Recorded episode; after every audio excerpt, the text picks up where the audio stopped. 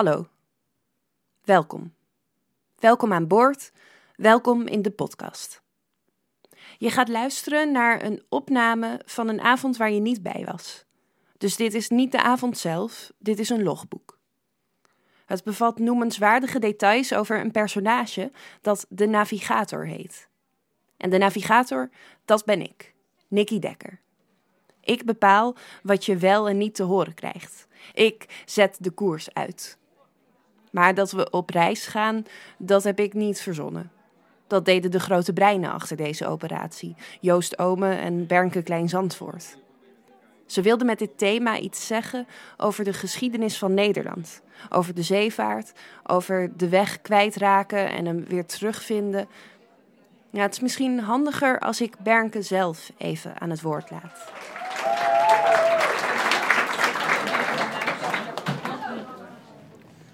Eeuwenlang was de Poolster ons belangrijkste navigatieinstrument. Onpartijdig en berekenbaar was ze altijd op min of meer dezelfde plaats aan de hemel te vinden. En leidde zo menig zeevaarder met menig agenda naar een overkant. Vandaag bevinden we ons in een rijksmonument en een chic vijfsterrenhotel. Maar de vlaggen van de oorspronkelijke rederijen wapperen nog elke dag hierboven op het dak.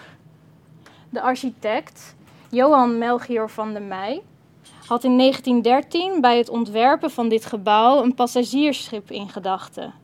Het scheepvaarthuis moest een totaalkunstwerk worden, waar geschiedenis, architectuur, kunst en ambacht allemaal een grote lofzang zouden brengen.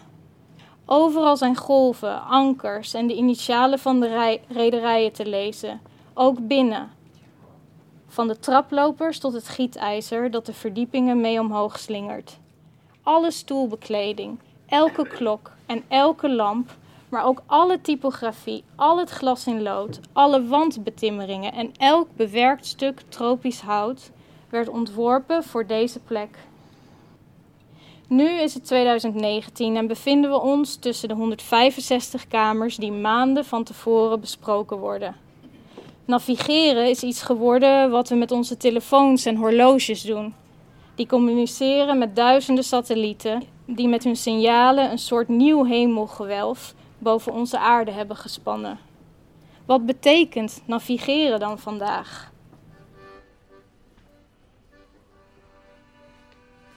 Met de vaarboom zetten we ons af in de modderige bodem. We gaan vooruit. Het is geen groot schip waar we op zitten, maar we hebben wel hele goede bemanning. Bernke Klein Zandvoort en Joost Ome, de architecten die precies weten hoe alles in elkaar steekt. Roos van Rijswijk, vogelkenner en gids in het niet vergeten. Je vraagt waar is die kamer? Jan van Aken, die je zomaar ergens kan droppen en die dan de weg weer terugvindt. Oceaan, Bounty-eiland, grote katamaran. De schipper van de nachtboot, Maria Barnas. En dat is hoe ik me in de schijn van dit leven groot houd.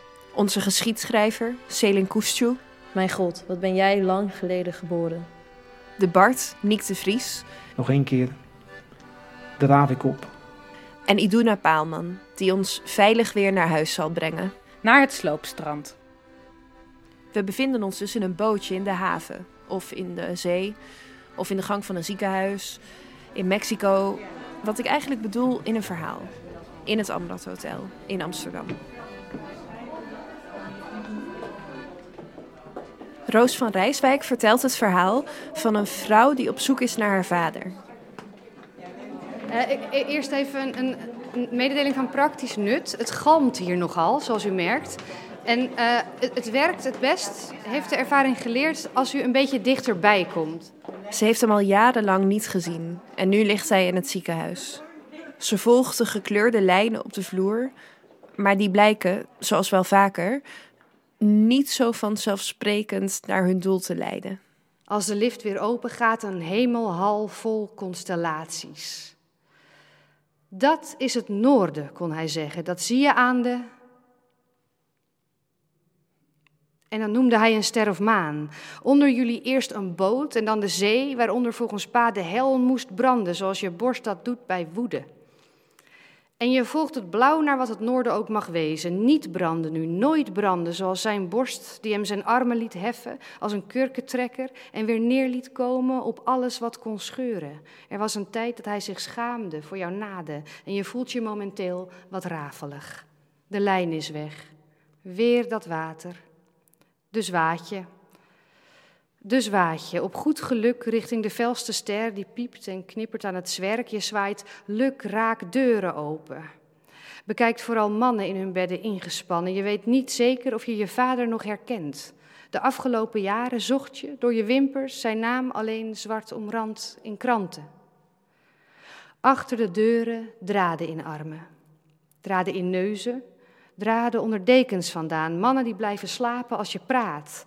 Geklap van waakveren, gewiek van beddenwielen. Je moet niet zomaar binnenlopen. Je vraagt, waar is die kamer? Je roept nog steeds het nummer van je vader. Een assistent stamt met zijn vliezen regenwormen uit de grond. Je ziet toch wel, snerpt hij, dat je hier niet had mogen komen. Vol schubben draait iets zich in een laken. Hij moet hier ergens zijn. Er zwemmen draken door de sluizen. Zo moe. Je bent zo moe dat je alleen nog maar zou willen drijven. Alles komt eens uit bij zee, niet waar? Kun je ooit voor altijd blijven zinken? Waar ga je heen? vraagt een dokter met zijn vleugels om je wangen. Naar de bodem, zeg je, de volgende halte, zeg je, van de lijn die naar een kamer wijst. Met zijn albatrosse klauw steekt hij de bedding lek. Als dikke olie vloeit de water weg, het water weg. En jij, met mussen aan de zomen van je broek, de bolle borst van een duif in je rug die je moet rechten, je moet hem rechten.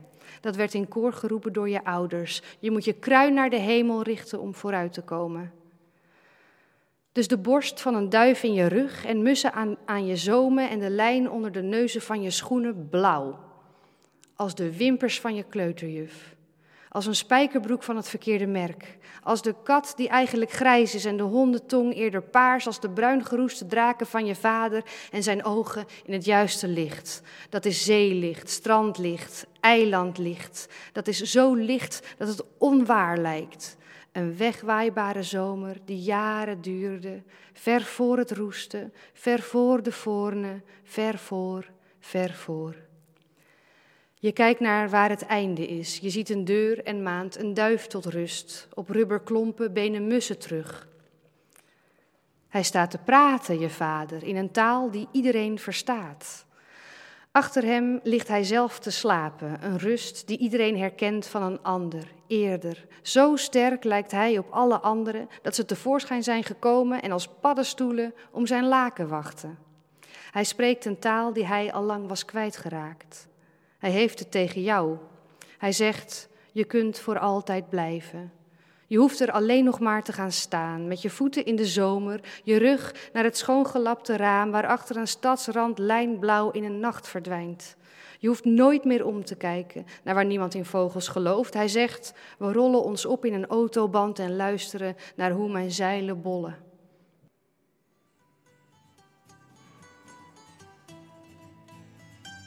We lopen trappen op, door galmende hallen met marmeren vloeren en hoge plafonds boven glas in loodramen met alle sterrenbeelden erop.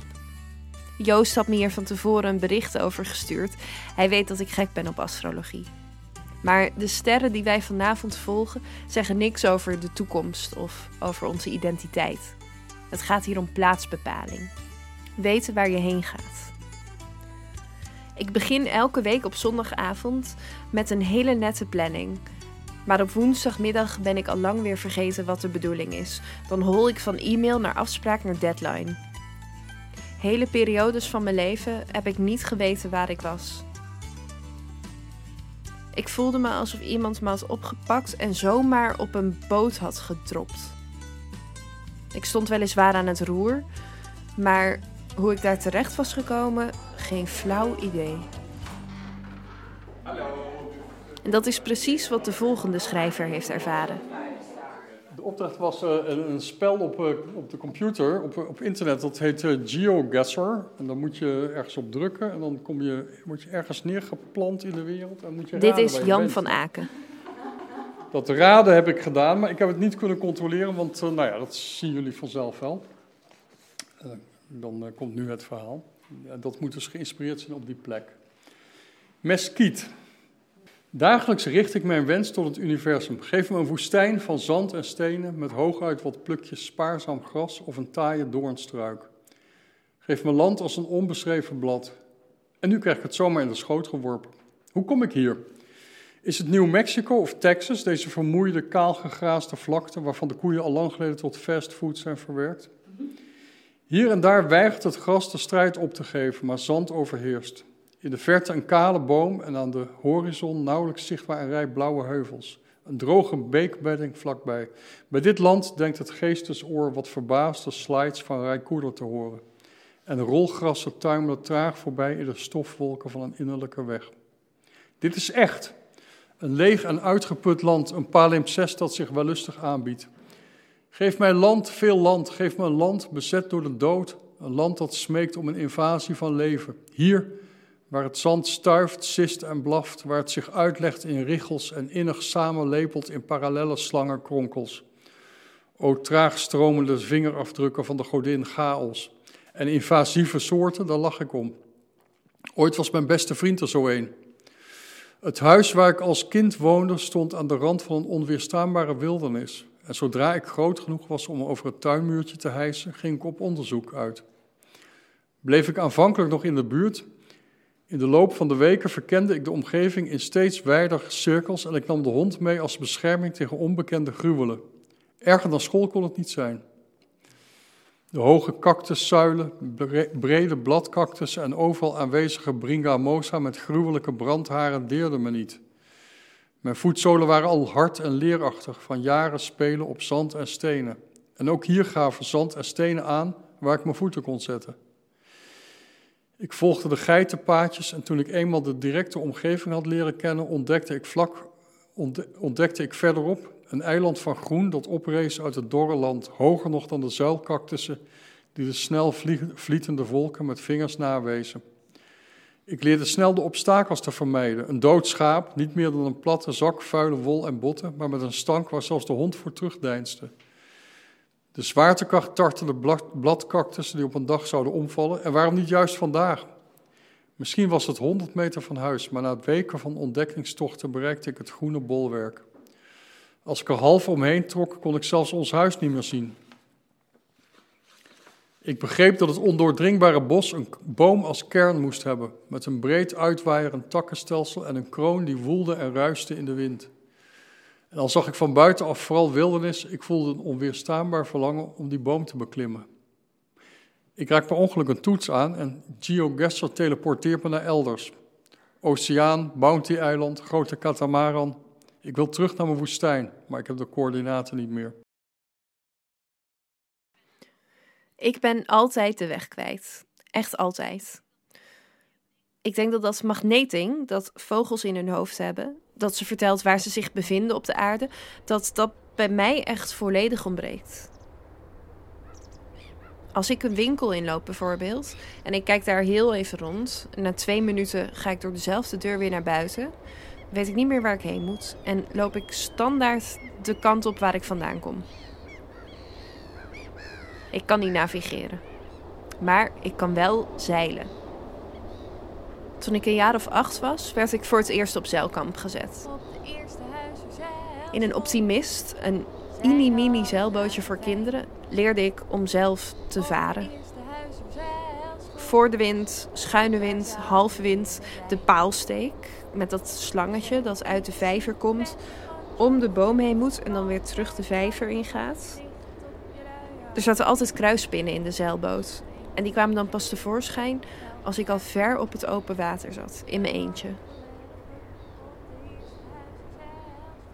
Ook een beetje verloren op zee, Maria Barnas. Er hapert een boot die mij op volle zee naar huis moet brengen. Ik vraag niet what is the time, omdat ik bang ben dat wie het horloge draagt, zal gissen naar de aard van tijd om uit te wijden over onkenbaarheid in het algemeen. Er zijn landen in de verte om te gaan wonen. Alleen de boot wordt wit. Wat mij omringt blijft zwart en zeeachtig klotsen. Er valt sneeuw en er valt gesproken sneeuw. Er valt sneeuw in onbeholpen vlokken uit mijn mond. Het schip werkelijkheid. Er is een rivier in mijn hoofd die onvermijdelijk stroomt. En ik weet nog het water, nog mijzelf te keren, zolang ik als volgzaam boegbeeld op een almaar voorwaarts stuwend schip sta en uithaal. Er is wind door het bewegen zo dat ik dein met het water, zilver en koud, en er spettert soms iets van mijn zij. Omkijken zou eerst mijn hoofd en dan mijn hele lichaam doen schroeven en in een kolk kolken van de rivier doen zinken. Soms haal ik een hoge klank, die nu herkenning voortbrengt en dan een klacht. En dat is hoe ik me in de schijn van dit leven groot houd. Althans rechtop, om te blijven zinspelen op mogelijkheden van een ander bestaan. Een dieprode massa die in de palm van mijn hand past, zo donker dat het zwart kan zijn, bolt soms op aan de rand van mijn oog. Een klontering, dier, plant, steen, een ander, ader, bloed. Elke gedachte die ik vorm, een klomp die ik gooi naar de oever die opdoemt langs de rivier. Ik blijf mikken. Later zal ik met hanenpoten werkelijkheid kalken op de boeg van dit schip. Onverstoorbaar kijken naar wie mij voorbij ziet hikken en knikken.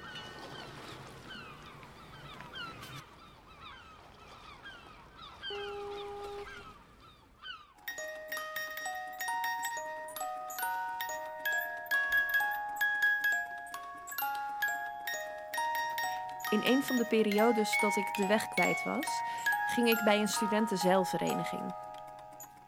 Ik hield van de wind en van het klotsende water. Ik hield niet van de mensen die spelletjes deden om dronken te worden, die dingen zeiden als OSM. En toch deed ik mee. Ik zong het clublied en bij de bierkantes zette ik het volle bierglas omgekeerd op mijn hoofd. Ik hield het een jaar vol. Ik denk dat ik mezelf niet terug zou herkennen.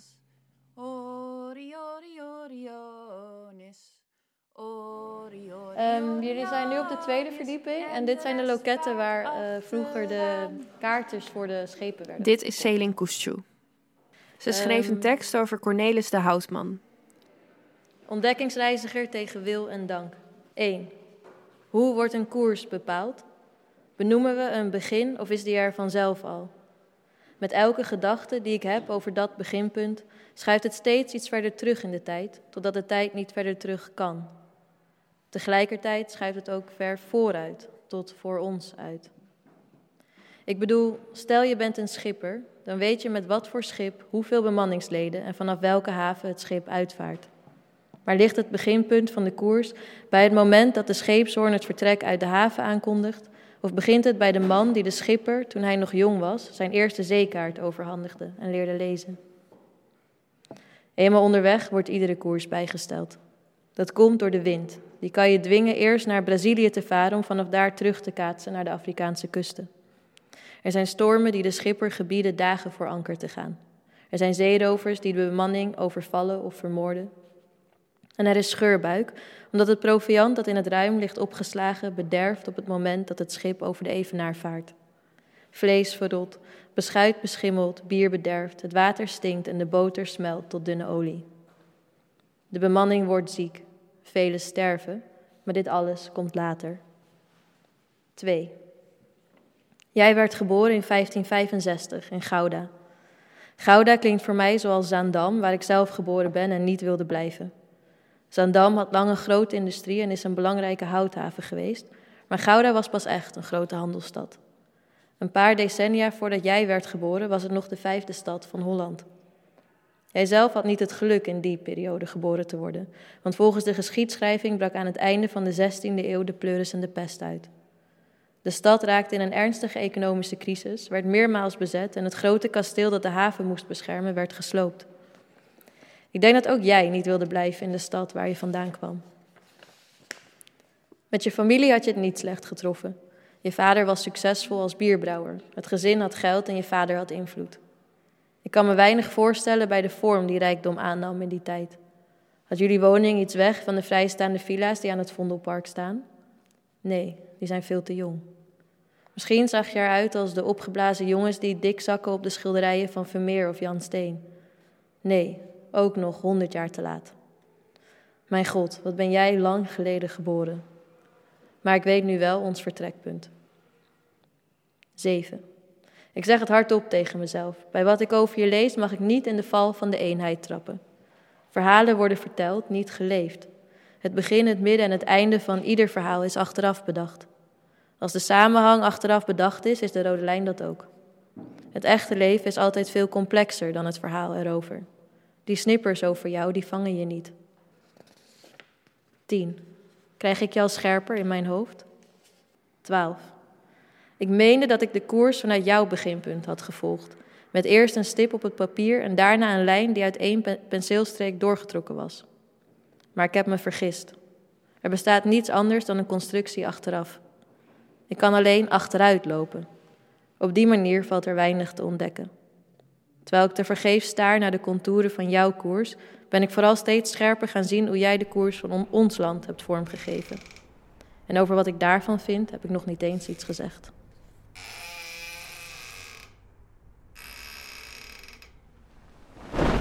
Dit is misschien wel het fijnste geluid ter wereld. Het klapperende doek. Als je aan de wind vaart en de hele boot schuin helt. Je moet je met je voet afzetten zodat je niet voorover het water invalt. En de spetters vliegen in je gezicht.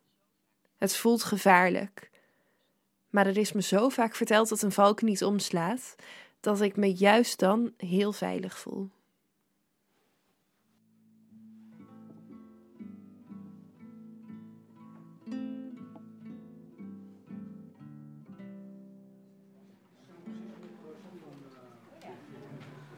Dit is Niek de Vries.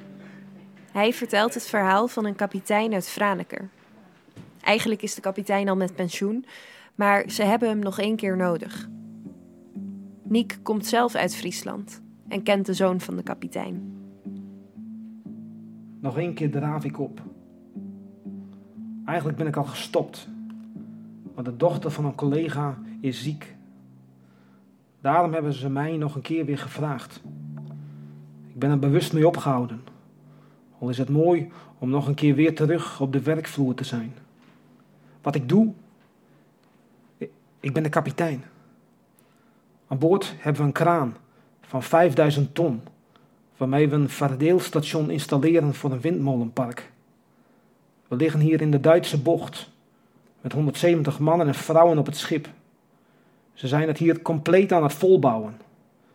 Wat ik zie als ik naar buiten kijk, een oerwoud van molens. Het zijn er meer dan één of twee. In totaal zijn het er waarschijnlijk wel 600. Soms loop ik s'avonds over het dek. Dan luister ik naar de geluiden. Dan gaan mijn gedachten wel eens terug. Daar ontkom je niet aan. Ik kom helemaal niet uit een zeevarende familie. Ik ben geboren in Kimswert. Ik had een maat op de middelbare school. Zijn broer zat bij de visserij. Zomers gingen we mee. Dat was prachtig. Vanaf dat moment wist ik wat ik wilde.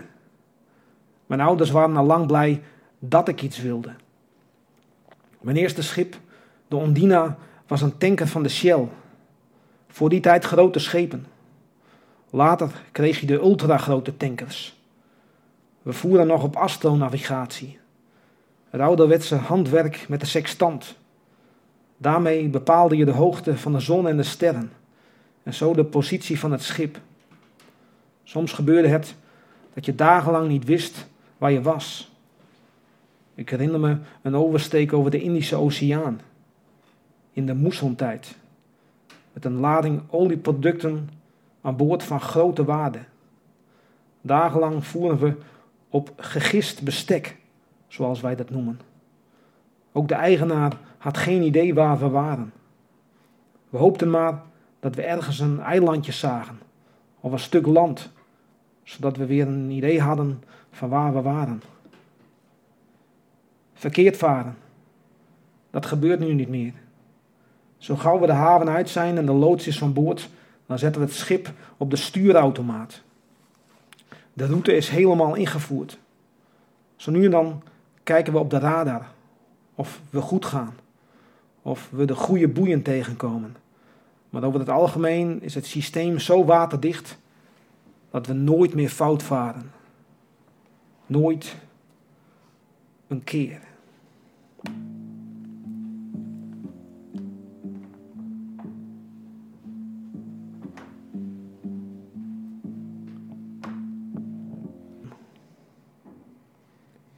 Nog één keer draaf ik op. Soms, s'avonds, loop ik over het dek. Dan luister ik naar de geluiden, omringd door 600 windmolens. Ik zie de lichten. Dan kijk ik en ik luister. Dat is alles wat ik doe.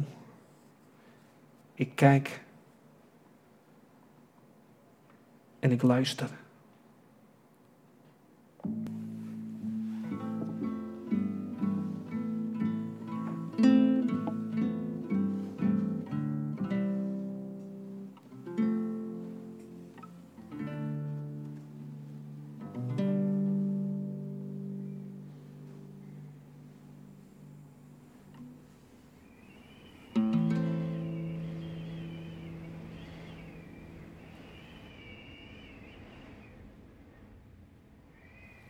Het gaat over kapiteins en zeemannen deze avond.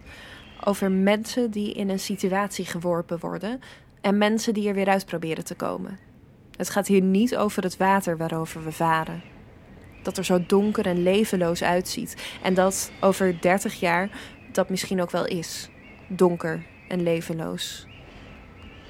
Het gaat ook niet over de vissen in het water die kunstwerken maken om elkaar te verleiden, gereedschap gebruiken om schelpdieren te eten, halverwege hun leven van geslacht veranderen. Wij zijn mensen en we hebben het over mensen. Tenminste, tot nu toe.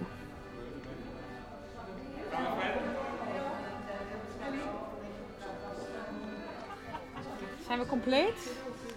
Welkom uh, allemaal in uh, kamer 128 van het Amrad Hotel. Uh, Dit is Iduna op Paalman. op het scherm een video van de Japanse kunstenaar Samson Young. Hij is als kunstproject tien dagen meegevaren op een olietanker. Dit is voor de kust van Maleisië. Um, en deze olietanker vaart zogezegd naar zijn laatste rustplaats. Hij, hij vaart naar een sloopstrand en wordt daar uh, dan ontmanteld en uh, gerecycled. Um, ik heb daar een verhaal bij geschreven. En ik, ik, ik las dat er van dit soort schepen, dus die olietankers, ongeveer 5000 uh, actief zijn per jaar, zeg maar, die varen. En daarvan worden er jaarlijks 1000 afgedankt. Naar het sloopstrand. Dit is de olietanker Zim Qingdao op weg naar het sloopstrand. De Zim Qingdao is 260,62 meter lang, 32,29 meter breed, gebouwd in 1998. Zijn draagvermogen, dat wil zeggen de som van de gewichten van lading, brandstof, ballastwater, drinkwater en provisie aan boord, is 50.698 ton. De precieze hoogte van dit schip valt niet vast te stellen, maar als de kranen zichzelf strekken, kun je van een flatgebouw spreken zo hoog.